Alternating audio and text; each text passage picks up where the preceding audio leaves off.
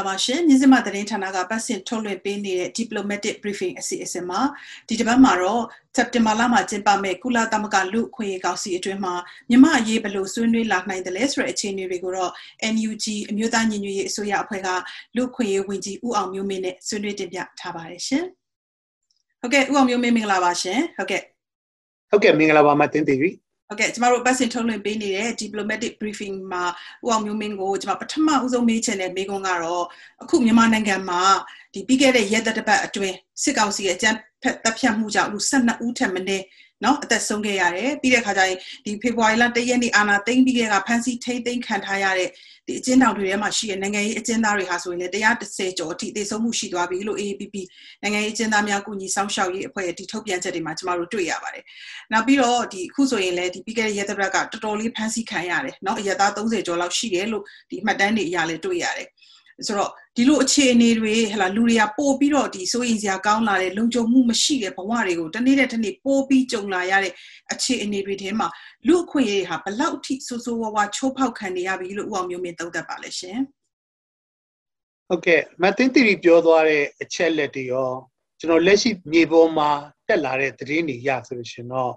ဖမ်းဆီးမှုတွေလည်းကျွန်တော်တို့များလာတယ်တစ်ချိန်နဲ့မှရင်ဟိုတပ်ဖြတ်မှုပေါ့နော် တပ်ဖြတ်မှုဆိုတဲ့ဟာကအချင်းတောင်ထဲမှာဟိုနှိပ်ဆက်ပြီးတော့တည်ဆုံးသွားတဲ့သူတွေရှိတယ်လို့ဒီကျွန်တော်တို့ဒီစကိုင်းတိုင်းတို့မန္တလေးတိုင်းတို့အဲ့နေရာတွေမှာကျေးလက်မှာရှိတဲ့သူတွေကိုเนาะရွာတွေကိုဝင်စီးပြီးလို့ရှိရင်เนาะတွေ့တဲ့လူကိုပြစ်တက်ဆိုတော့တည်ဆုံးမှုတွေကအရင်ကြီးများလာပါတယ်နောက်တစ်ခါကျွန်တော်တို့ဖမ်းဆီးမှုတွေကမရက်သွားဘူးအဲ့တော့ဒီအကြမ်းဖက်စစ်ကောင်စီရဲ့လုပ်ရက်ကတော့နောက်ဆုံးအချိန်ထိเนาะသူတို့တက်နိုင်တဲ့၍ အကြောက်တရားတွေကိုဖုံးလွှမ်းအောင်လှုပ်ဆောင်ပြီးလူခွေတွေချိုးဖောက်ပြီးတော့နော်တိုင်းပြည်ကိုဆက်လက်အုပ်ချုပ်သွားမယ်ပုံစံမျိုးဖြစ်နေတာတွေ့ရပါတယ်အဲ့ဒီနေရာမှာကျွန်တော်တို့ကြည့်မယ်ဆိုလို့ရှိရင်တော့တာမန်လူတဦးချင်းဒါမှမဟုတ်ရှင်ကြုံကြိုက်လို့ဒါမှမဟုတ်ရှင်လှုပ်ဆောင်ရင်းနဲ့အမှတ်တမဲ့တက်ဖြတ်တဲ့ဖိနှိပ်တဲ့ပုံစံမျိုးမဟုတ်တော့ပြောမယ်ဆိုရင်လူခွေရေးတာမန်ချိုးဖောက်တဲ့ပုံစံနဲ့ပို့ပြီးတော့များလာပါပြီသူတို့ကတော့သူတို့မှာပြည်သူတွေကို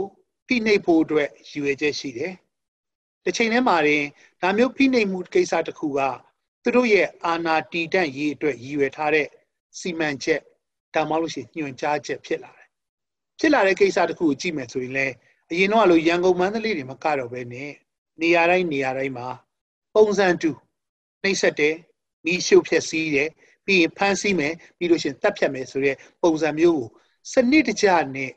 ကြည်ကြည်ပြန့်ပြန့် ကျူးလွန်တဲ့အဆင့်တီကိုရောက်လာပါပြီဒါမျိုးဆိုရင်တော့ကျွန်တော်တာမန်လူခွင့်ရေးချိုးဖောက်မှုတော့မကတော့ပဲနဲ့ဒီကိစ္စတခုကရွယ်ချက်ရှိရှိနဲ့ကျူးလွန်တဲ့စနစ်တကျနဲ့ကြည်ကြည်ပြန့်ပြန့်ဖြစ်အောင်လှုပ်ဆောင်တဲ့ရာဇဝတ်မှုလို့ပြောလို့ရပါပြီအဲ့တော့တာမန်လူခွင့်ရေးပုံစံချိုးဖောက်တယ်ဆိုပြီးတော့ရှုံချတယ်ကဲ့ရက်တယ်ဒါနဲ့ပြတော့ဝေဖန်တာအစ်မခုတ်ပဲနဲ့ရာဇဝတ်မှုကျူးလွန်တဲ့အဆင့်ရောက်ရှိတဲ့အတွက်ကြောင့်မလို့ဒါကိုနိုင်ငံတကာအနေနဲ့ အမြန်ဆုံးရာဇဝတ်မှုတွေတာတာဝန်ရှိတဲ့သူတွေကိုအရေးယူတဲ့ကိစ္စဒါနဲ့ပတ်သက်ပြီးတော့အမှန်တရားဖော်ဆောင်ပြီးတော့တကယ်ကိုတရားမျှတမှုဖော်ဆောင်နိုင်တဲ့ကိစ္စလှုပ်ဆောင်မှုအချိန်ကြီးရောက်ရှိနေပါပြီ။ဘာကြောင့်လဲဆိုတော့စစ်အကြမ်းဖက်စစ်ကောင်စီတရက်အာဏာရှိလေလေလူတွေပိုပြီးတော့တည်ဆုံးလေလေရာဇဝတ်မှုပုံမကျူးလွန်လေလေဆိုတဲ့အခြေအနေမျိုးရောက်ရှိနေတယ်။ဒါပေမဲ့ပြည်သူလူထုကတော့တစ်ဖက်မှာလည်းသူတို့ရဲ့ကြုံတွေ့နေရတဲ့အချက်ဒီပေါ်မှာစိတ်ပြည့်အာရော့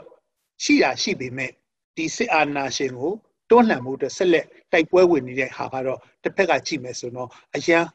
လေးစားစရာဂုဏ်ယူစရာဖြစ်တဲ့အဖြစ်ဖြစ်နေပါတယ် ဟုတ်ကဲ့ဆိုတော့ဦးအောင်မင်းကမြန်မာနိုင်ငံအတွက်ဒီနှစ်ပေါင်းကြာမြင့်စွာကလေးကလူအခွင့်အရေးအတွက်ဥဆောင်လှုပ်ရှားလာခဲ့သူတူဖြစ်တယ်ချက်လက်တွေလည်းအများကြီးပေါ့နော်ဦးအောင်မင်းမှာရှိတယ်အဲ့တော့ဦးအောင်မင်းဒီအခုဒီစစ်ကောင်စီလက်ထက်အာဏာသိမ်းပြီးတရက်နေ့ကစပြီးစစ်ကောင်စီလက်ထက်မှာဖြစ်ခဲ့တဲ့လူအခွင့်အရေးချိုးဖောက်မှုတွေကမြန်မာနိုင်ငံတမိုင်းမှာအဆိုးဝါးဆုံးလူအခွင့်အရေးချိုးဖောက်မှုတွေလို့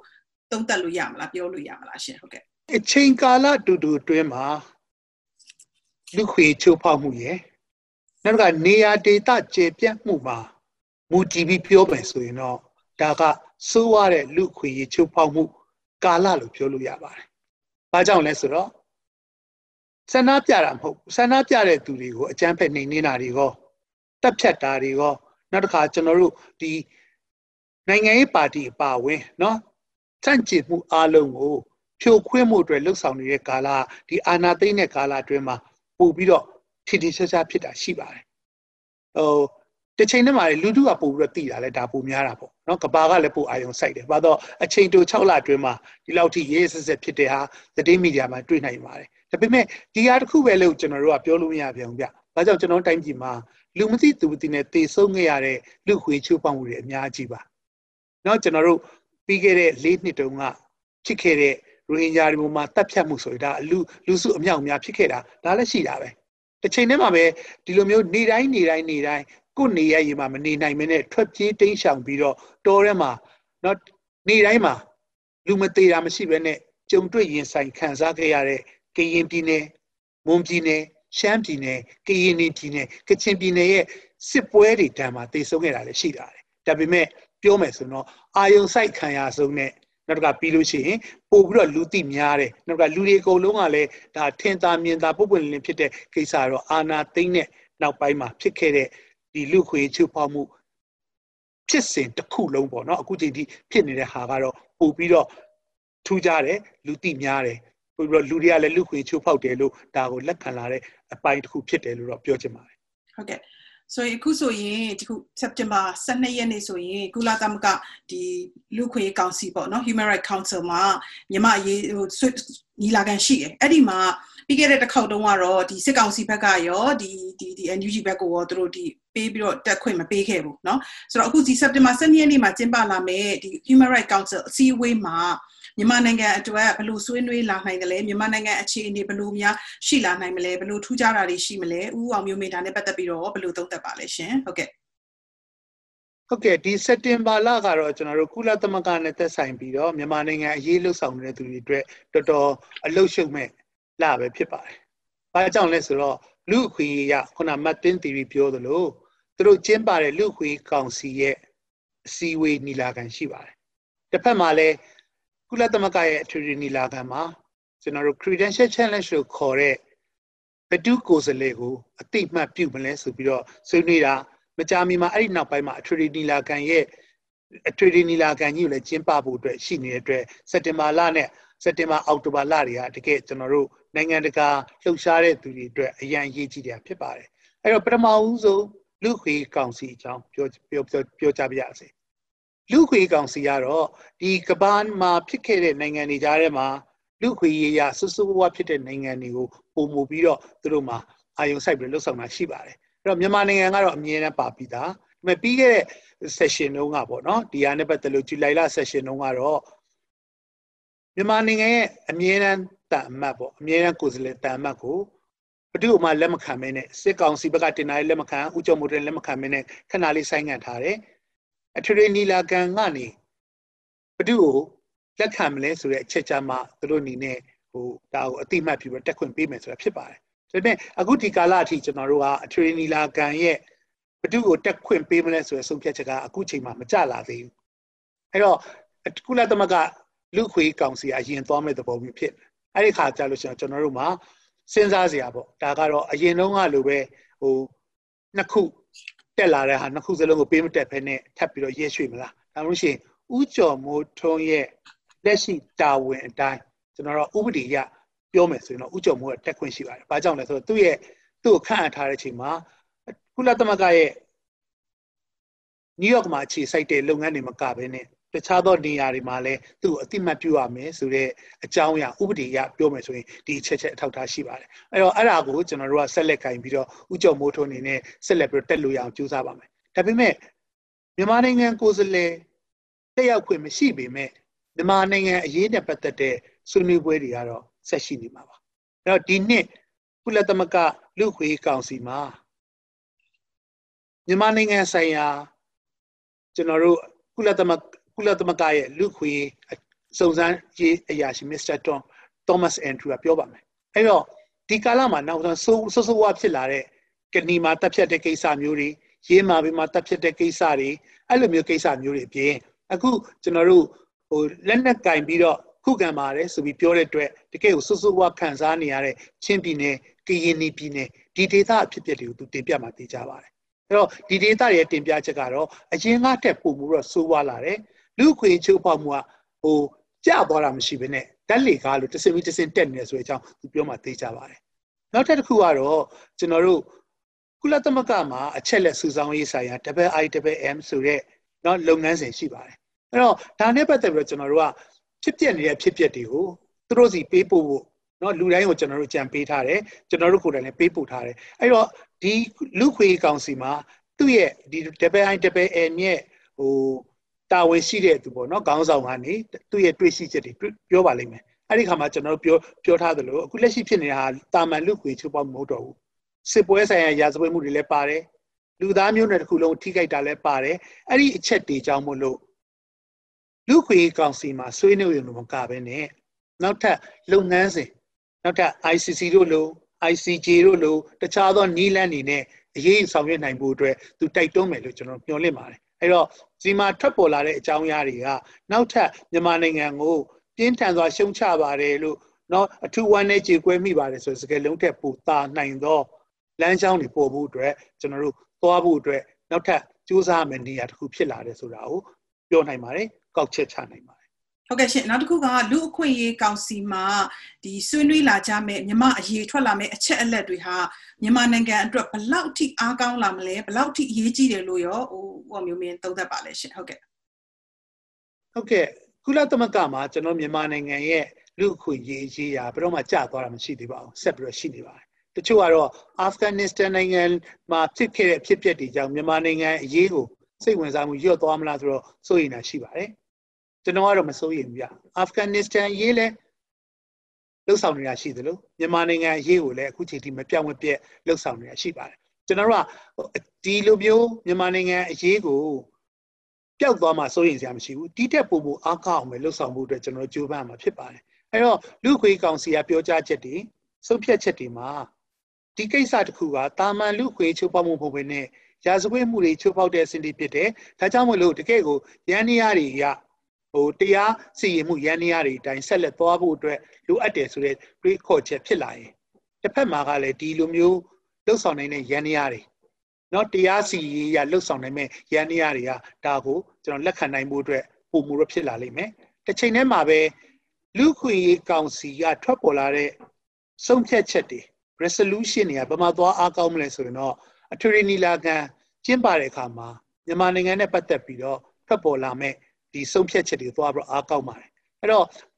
အထွေထွေနီလာခံမှာကျွန်တော်တို့လူခွေမြန်မာနိုင်ငံရဲ့အခြေအနေနဲ့ပတ်သက်လို့ မနစ်ပြီးခဲ့တဲ့တစ်ခေါက်မှာလှုပ်ဆောင်ခဲ့တဲ့ဟိုထုတ်ပြန်ကြေညာချက်ကတော်တော်အားကောင်းပြီးသားပါထောက်ခံတဲ့နိုင်ငံတွေတော်တော်များတယ်အဲ့တော့အခုချိန်မှာလူခွင့်ကောင်စီမှာဆက်လက်ပြီးတော့စိုးဝါးနေပါတယ်ဆိုတော့အချက်တွေပေါ်ပြလာရင်ဒီတက်ပုံမူအားကောင်းတဲ့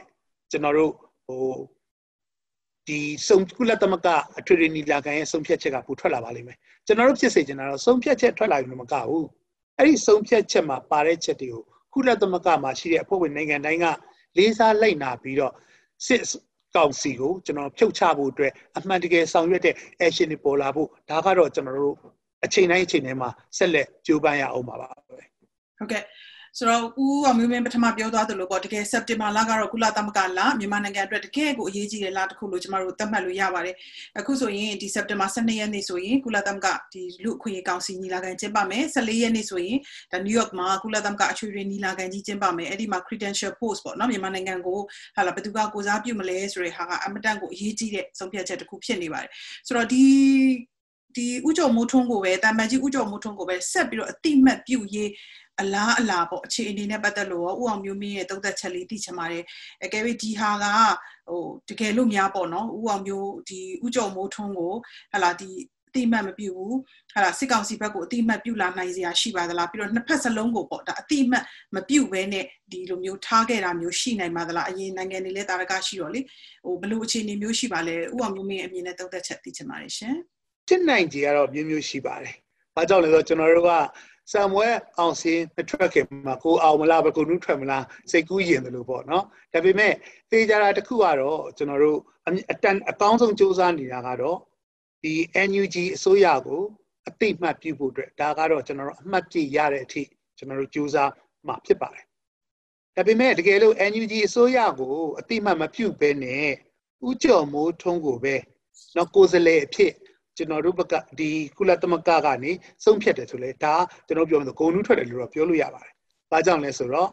NUG ကိုတိမှတ်မပြုပေမဲ့ NUG ကိုသစ္စာခံပြီးတော့နော်မြန်မာပြည်သူတွေရဲ့အတန်တွေကိုတင်ပြနိုင်မှာဥကြုံမှုတုံးကကုလသမဂ္ဂမှာဆက်လက်ရှိပြီးတော့လှုပ်ဆောင်နိုင်တဲ့အတွက်ဒါကုဏ္ဏထွက်တယ်လို့ပြောလို့ရပါတယ်နော်ကျွန်တော်တို့ဟိုအစိုးဆုံးအခြေအနေကိုပြောမယ်ဆိုရင်တော့ဒါကတော့ဟိုစစ်ကောင်စီကိုအတိမတ်ပြုတဲ့ဟာမျိုးပေါ့ဒါပေမဲ့ လက်ရှိအခြေအနေမှာတော့အဲ့ဒါဖြစ်ဖို့အတွက်အရန်အားနေတယ်လို့ကျွန်တော်ပြောနိုင်တယ်ကျွန်တော်တို့ဘက်ကဘာကြောင့်လဲဆိုတော့ကျွန်တော်တို့ဘက်ကနေပြောစရာတော့မလိုပါဘူးစစ်ကောင်စီကလူအခွင့်အရေးကိုဘယ်လောက်ထိချိုးဖောက်နေလဲလူခွေတွေမကပဲနဲ့နိုင်ငံတကာရာဇဝတ်မှုတွေကိုဘယ်လောက်ထိဆွဆွဝဝလှုပ်ဆောင်နေလဲတေဆုံးခဲ့တဲ့လူတွေရဲ့စရင်ထောင်ထဲမှာရောက်နေတဲ့သူတွေရဲ့စရင်နေနေဒီမှာတပ်ဖြတ်ခံထိနေရတဲ့ဒီကျေးလက်သူကျေးလက်သားနေပြည်ဒေသခံပြည်သူတွေစရင် နောက်ပြီးလို့ရှိရင်သူတို့ထုတ်ပြန်ပြီးတော့လှုပ်ကြံပြီးဖန်တီးထားတဲ့သတင်းတုသတင်းမှန်တွေကိုကြည့်မယ်ဆိုလို့ရှင်တော့စစ်ကောင်စီကဘတော်မှဒီအစိုးရတရက်အနေနဲ့အတိမတ်ပြုလို့မထိုက်တန်သောနိုင်ငံတကာရဲ့လူခွေဆိုင်ရာပေဒံဘဲပေဒံနဲ့ပဲတိုင်တိုင်ဘလို့မှကျွန်တော်တို့ဟိုစံမီတမ်းမီဖြစ်သောအရာမဟုတ်ဘဲနဲ့လူခွေချိုးဖောက်သောရာဇဝတ်မှုကျူးလွန်နေသောအဖွဲ့အစည်းတစ်ခုဒီနေရာကဘာကတည်ပြီးသားဖြစ်ပါတယ် တချို့နိုင်ငံအနေနဲ့ကတော့သူတို့ရဲ့အကျိုးစီးပွားအရာကာကွယ်တာတွေဒါနဲ့ပတ်သက်ပြီးတော့လက်ခံမှုတဲ့တိုက်တွန်းတာတွေလှုပ်ဆောင်နေပေမဲ့ဒီနိုင်ငံတကာစာမျက်နှာမှာစစ်ကောင်စီက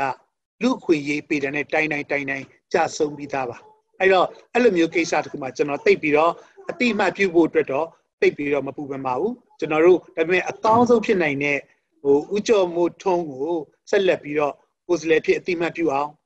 ဒါအပြင်ဖြစ်နိုင်အကောင်းဆုံးကတော့ကျွန်တော်တို့ NUG ကိုအစိုးရအနေနဲ့အတိမတ်ပြုတဲ့ပုံစံမျိုးဖြစ်အောင်တော့ဆက်လက်ပြီးတိုက်တွန်းရမှာပါဆက်လက်ပြီးတော့လည်းကြိုးပမ်းရမှာဖြစ်ပါတယ်ဟုတ်ကဲ့ so ဥပမျိုးမင်းရှင်အခုဒီကုလသမဂ္ဂအထွေထွေညီလာခံကြီးကဒီမြန်မာနိုင်ငံရဲ့လက်ရှိအခြေအနေအမှန်တွေကို ဟာလာမြင်ပြီးတော့ဒီမြန်မာနိုင်ငံအတွက်အမတန်ကိုထိရောက်တဲ့လူခွင့်တိုးတက်နိုင်မဲ့လူထုကိုအမတန်ကာကွယ်ပေးနိုင်မဲ့ဆုံးဖြတ်ချက်တွေတင်ပြချက်တွေသဘောတူညီချက်တွေထွက်လာမယ်ခုနလိုမျိုးကုလသမဂ္ဂအထွေထွေညီလာခံကြီးကလည်းတကယ်မြန်မာလူထုကိုကိုစားပြုတဲ့မြန်မာလူထုရဲ့ဆန္ဒနဲ့တစ်ထပ်သေးကြတဲ့ဥကြုံမိုးထွန်းလိုလူမျိုးကိုပဲဆက်ပြီးခံထားမယ်ဆိုရင်ဒီလိုအခြေအနေတွေဟာဒီလောက်အားကောင်းလာတဲ့အခြေအနေတွေဟာမြန်မာနိုင်ငံပြည်ပြည်ပြောင်းလဲရေးအတွက်ဘလောက်ထိအလင်းအမြန်ပတ်ပိုးမှုဖြစ်မလဲအထူးသဖြင့်တော့ဒီနှောင့်နှေးနေတဲ့အာဆီယံရဲ့ဒီ ဒီဒီဒီလုပ်ငန်းတွေနဲ့ပတ်သက်လို့ဘယ်လောက်ထိပံ့ပိုးမှုတွေရှိသွားမလဲရှင်ဟုတ်ဘယ်လိုဘယ်လိုသုံးသပ်ပါလဲဟုတ်ကဲ့အာဆီယံကတော့လူတွေကတိတ်ပြီးတော့မျှော်လင့်ချက်လည်းမရှိပါဘူးခစ်စကားကပြောမှရင်တိတ်မခုံကြဘူးပေါ့အဲကြောင့်တော့အာဆီယံရဲ့ဟိုအချိန်ဆွဲတဲ့ကိစ္စနောက်တစ်ခါသူ့ရဲ့ပျော်ပြောင်းတဲ့ပုံစံနောက်တစ်ခါလာလာလာပြီးတော့ခန့်အပ်ထားတဲ့သူရဲ့နောက်လှုပ်ဆောင်ချက်တွေမှာတိတ်ပြီးတော့မြန်မာပြည်သူတွေကတိတ်ပြီးတော့မမျှော်လင့်ဘူးဆိုတဲ့အတန်ကြီးကျွန်တော်ကြားရပါတယ် ဒါပေမဲ့ကျွန်တော်တို့အနေနဲ့ပြောချင်တာတခုကတော့တကယ်လို့များကုလသမဂ္ဂမှာဥကြော်မိုးထုံးကိုဆက်လက်ပြီးတော့အတိမတ်ပြုတယ်တိတက်ပူအားကောင်း NUG NUG ကိုကျွန်တော်တို့အစိုးရတဲ့အနေနဲ့ဟိုအတိမတ်ပြုလိုက်ရင်ကျွန်တော်တို့ကဘယ်လိုလုပ်လှုပ်ဆောင်နိုင်လဲဆိုရှင်တော့လက်ရှိဒီစစ်အကြမ်းဖက်စစ်ကောင်စီရဲ့လူခွေချုပ်ဖောက်မှုရာဇဝတ်မှုချုပ်ကျူးလွန်မှုတွေကိုနိုင်ငံတကာတရားစီရင်မှုရန်လမ်းကြောင်းတိုင်းသွားနိုင်မှုတွေအများကြီးအားကောင်းသွားပါပြီ ဘာကြောင့်လဲဆိုတော့အခုချိန်မှာတော့ကျွန်တော်တို့ NUG က ICC လို့ခေါ်တဲ့အပြည်ပြည်ဆိုင်ရာဟိုရာဇဝတ်မှုတရားရုံးမှာကျွန်တော်စာပို့ထားပါတယ်2000နဲ့အာတခုနှစ်နော်ဇူလိုင်လကနေစပြီးတော့2002ခုနှစ်ဇူလိုင်လကနေစပြီးတော့နောက်ပိုင်းဖြစ်ခဲ့တဲ့ရာဇဝတ်မှုချိုးဖောက်မှုအားလုံးမှန်သမျှကိုလာရောက်စုံစမ်းနိုင်ဖို့စစ်ဆေးနိုင်ဖို့ပြီးလို့ရှိရင်လိုအပ်တယ်လို့တရားကြားနာပြီးတော့စီရင်နိုင်မှုအတွက်လှုပ်ဆောင်ထားတယ် တကယ်လို့ဒါကျွန်တော်တို့ကခုနပြောတဲ့ဒီကုလသမဂ္ဂကလည်းအတိမတ်ပြုပြီးတော့လှုပ်ဆောင်နိုင်လို့ရှိရင်ဒီလိုမျိုးလုပ်ငန်းစဉ်ကပုံမှုပြီးတော့မြန်ပါလေမြန်လာပါလိမ့်မယ်။တစ်ချိန်တည်းမှာပဲဒီကျွန်တော်တို့လက်ရှိဒီစစ်ကောင်စီကိုညီမျိုးမျိုးနဲ့ပံ့ပိုးနေကြတဲ့ကိစ္စတခုကိုကျွန်တော်တို့တားဆီးနိုင်မယ်။နောက်တစ်ခါကျွန်တော်တို့ဒီကနဲ့ပတ်သက်လို့ကျွန်တော်တို့ကပြည်သူရဲ့အတန်ကိုနေရာတိုင်းမှာပုံမူပြီးတော့တရားဝင်စင်မြင့်ကနေတင်ပြနိုင်မယ် အဲ့တော့ဒါကကျွန်တော်မြန်မာနိုင်ငံအရေးတွေမကပဲမြန်မာပြည်သူတွေရဲ့ဟိုစန္ဒတွေကိုကျွန်တော်တို့အမှန်တကယ်ဖော်ဆောင်နိုင်မှုအတွက်လှေကားတစ်တွေဖြစ်ပါတယ်စင်မြင့်တွေဖြစ်ပါတယ်အဲ့တော့ဒါမျိုးဖြစ်အောင်ကျွန်တော်တို့ဟိုတက်နိုင်တော့စူးစမ်းမယ်ဘာကြောင့်လဲဆိုလို့ရှင်တော့ပြည်တွင်းအားကအဓိကဖြစ်တယ်ဆိုတော့ကျွန်တော်ခဏခဏပြောပြီးသားပါဒါပေမဲ့ပြည်တွင်းအားမှာဖြစ်နေတဲ့ခုနလိုမျိုးတနေရာမှာလူစုလိုက်တာနဲ့ဖမ်းဆီးတာတကယ်လို့ကျွန်တော်တို့တခုခု စန့်ကျင်မယ်တွန်းလှန်မယ်ဆိုရင်တက်ဖြတ်တာအဲ့ဒါမျိုးတွေကိုတက်နိုင်တဲ့၍ပြည်ပကလည်းဝိုင်းဝန်းပြီးတော့တားဆီးနိုင်တဲ့တန်တမန်ရေးနီလန်ဒီဖန်တီးပေးဖို့စစ်ကောင်စီဆက်လက်ရှင်သန်နေတဲ့လက်နက်စီးပွားရေးနောက်တစ်ခါအပြစ်ကနေကင်းလွတ်နေတဲ့ကိစ္စတွေအားလုံးရပ်တန့်မှုအတွက်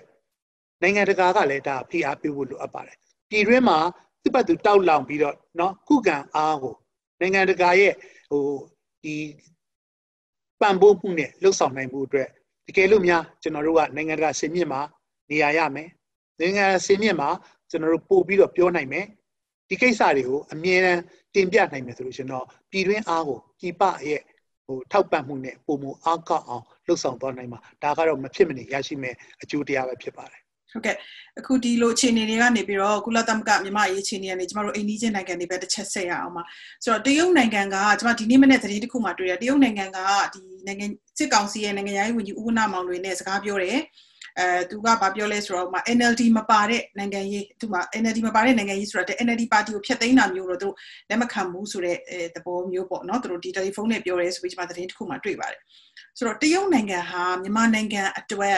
အာဘလို့အရေးကြီးတဲ့အခန်းကဏ္ဍမှာရှိနေတယ်လေဥအောင်မျိုးမင်းသူတို့ဟာဒီစစ်ကောင်စီကိုလည်းကြောတော့နောက်ခံပေးထားတယ်ဒါပေမဲ့ NLD ပါတီကိုလည်းဒါမျိုးလက်မခံဘူးဆိုတော့ဒီမြန်မာနိုင်ငံအတွက်တရုတ်နိုင်ငံရဲ့အရေးပါမှုပေါ့မြန်မာရေးပြောင်းလဲအရေးပါမှုဥအောင်မျိုးမင်းရဲ့တုတ်သက်ချက်သိချင်ပါတယ်ရှင်ဟိုကျွန်တော်တို့ကတော့ဒီတရုတ်နိုင်ငံကကျွန်တော်တို့ရဲ့ဒေသန္တရနိုင်ငံရေးပေါ့နော် geopolitics မှာလည်းရေးပါတယ်နောက်ကတရုတ်နိုင်ငံကကျွန်တော်မြန်မာနိုင်ငံအတွင်းမှာသူတို့ရဲ့ ကိုချိုးစည်းပွားတွေရှိနေတယ်ဒါကြောင့်မလို့ကျွန်တော်တို့ကဟိုကျွန်တော်နိုင်ငံရေးအကြောင်းစဉ်းစားမယ်ဆိုလို့ကျွန်တော်တရုတ်ကမဖြစ်မနေထည့်သွင်းစဉ်းစားရမယ်ဖြစ်ပါတယ်ထည့်သွင်းစဉ်းစားမှုမှာမိတ်ဆွေလည်းဖြစ်နိုင်တယ်လို့ရန်သူလည်းဖြစ်နိုင်ပါတယ်မိတ်ဆွေဆိုတာကတော့ကျွန်တော်တို့ကခုနလိုမျိုးဟိုသူ့ကိုကျွန်တော်တို့ပေါင်းနိုင်လို့ရှိရင်ခုနပြောသလိုပဲ NLD ကိုမဖြတ်သိမ်းမှုအတွက်သတင်း message ပေးတာတော့ နော်တကယ်လို့စစ်ကောင်စီဒီလိုမျိုးကိစ္စကြမ်းတဲ့ခါမှာဒါမျိုးမလုပ်အောင်လှုပ်ဆောင်နေဆိုတဲ့အတံမျိုးဖြစ်လာနိုင်တယ်ရန်သူဖြစ်သွားနိုင်တယ်ဆိုတာကတော့သူတို့ကနေဒီပုံစံကိုဆက်ပြီးတော့အာဏာတွေဆက်ပြီးတော့ထိန်းထားဖို့လူခွေချိုးပွားမှုအတွက်နောက်တစ်ခါလှုပ်ဆောင်တဲ့အားပေးမှုတွေတိုက်ရိုက်ကူညီမှုတွေတစ်ချိန်မှနိုင်ငံတကာမှာလည်းသူတို့အားနဲ့ကျွန်တော်တို့သွားနေတဲ့ဟိုမှန်ကန်တဲ့တရားစီရင်မှုအပိုင်းတွေမှန်ကန်တဲ့ကိုစားပြုမှုအပိုင်းတွေမှာသူတို့ နိုင်ငံတကာမှာရှိထားတဲ့ဗီဒီယိုအာဏာကိုသုံးပြီးတော့ပယ်ချနိုင်တာအခုလည်းလုပ်နေပါတယ်အဲ့တော့ဒီဘက်မှာကျွန်တော်တို့ကအရေးကြီးတာတော့သိကြတယ်ဒါပေမဲ့ဟိုသူတို့ကလည်းဘာကြည့်လဲဆိုတော့ရှင်းရှင်းလင်းလင်းပဲဗျသူတို့အတွက်ဘာအကျိုးရှိမလဲဆိုတာကြည့်တာပါအဲ့တော့လက်ရှိအခြေအနေမှာကတော့ဟိုပုံမပြီးတော့နီးစက်တာကဒီစစ်ကောင်စီနဲ့ပုံပြီးတော့နီးစက်တာပေါ့ဒါပေမဲ့ခုနပြောတစ်ဖက်ကလည်းဒီ NLD ပါတီအလုံးစုံပြတ်သိမ်းရေးတို့ဘာလို့ ਨੇ ပတ်သက်လို့သူတို့လက်မခံနိုင်ဘူး။ ဘာကြောင့်လဲဆိုတော့တစ်ဖက်မှာလည်းတကယ်လို့များเนาะဒီလိုမျိုးလှုပ်ဆောင်တဲ့အခါမှာသူတို့တွက်ထားတဲ့ပုံစံမဟုတ်ဘဲနဲ့เนาะဒီလိုမျိုးလှုပ်ဆောင်ခြင်းကြောင့်သူတို့အကျိုးစီးပွားကိုထိခိုက်သွားမယ်ဆိုရင်တော့သူတို့နစ်နာမယ်ဆိုတာသိပါတယ်။အဲဒါကြောင့်မလို့တစ်ဖက်မှာလည်းပေါင်းတယ်တစ်ဖက်ကိုလည်းသူတို့ဘက်ကဟိုမကူညီသည့်တိုင်အောင်သူတို့ဒါလေးတော့တားဆီးပါတယ်ဆိုတဲ့ပုံစံမျိုးဖြစ်အောင်လှုပ်ဆောင်နေတွေ့ရပါတယ်အဲ့တော့ကျွန်တော်တို့ကနိုင်ငံရေးဆိုတာပြောမယ်ဆိုတော့တယောက်နဲ့တယောက် ဘယ်လိုမျိုးကျွန်တော်တို့သူကကိုယ့်ဘက်ပါလာမလဲဆိုတာလှုပ်ဆောင်နေကြတာဖြစ်တယ်အဲ့တော့အရေးကြီးတာကိုကျွန်တော်သိပြီးလို့ရှိရင်တော့ဒါကိုဘယ်လိုမျိုးကျွန်တော်တို့ကိုယ့်ဘက်ကိုပါလာပြီးတော့နော်ဒီမိုကရေစီလမ်းကြောင်းလူခွင့်နဲ့တရားမျှတမှုလမ်းကြောင်းပါလာအောင်ဆက်လက်လှုပ်ဆောင်ဖို့အတွက်မဖြစ်မနေကျွန်တော်တို့တွေ့ဆုံရမယ်နော်နိုင်ငံတနိုင်ငံဖြစ်တယ်ဆိုတာတော့ကျွန်တော်ပြောပြရစီဗျာ။ ဟုတ်ကဲ့ဥအောင်မျိုးမင်းရှင်ခုလိုမျိုးကျမတို့မြစည်းမသတင်းဌာနရဲ့ diplomatic briefing ဆိုတဲ့အခမ်းအနားဝင်ရောက်ဆွေးနွေးပေးခဲ့တဲ့အတွက်ကျေးဇူးအများကြီးတင်ပါတယ်ရှင်ဟုတ်ကဲ့ဟုတ်ကဲ့ကျေးဇူးတင်ပါတယ်ခင်ဗျာဟုတ်ကဲ့ပါ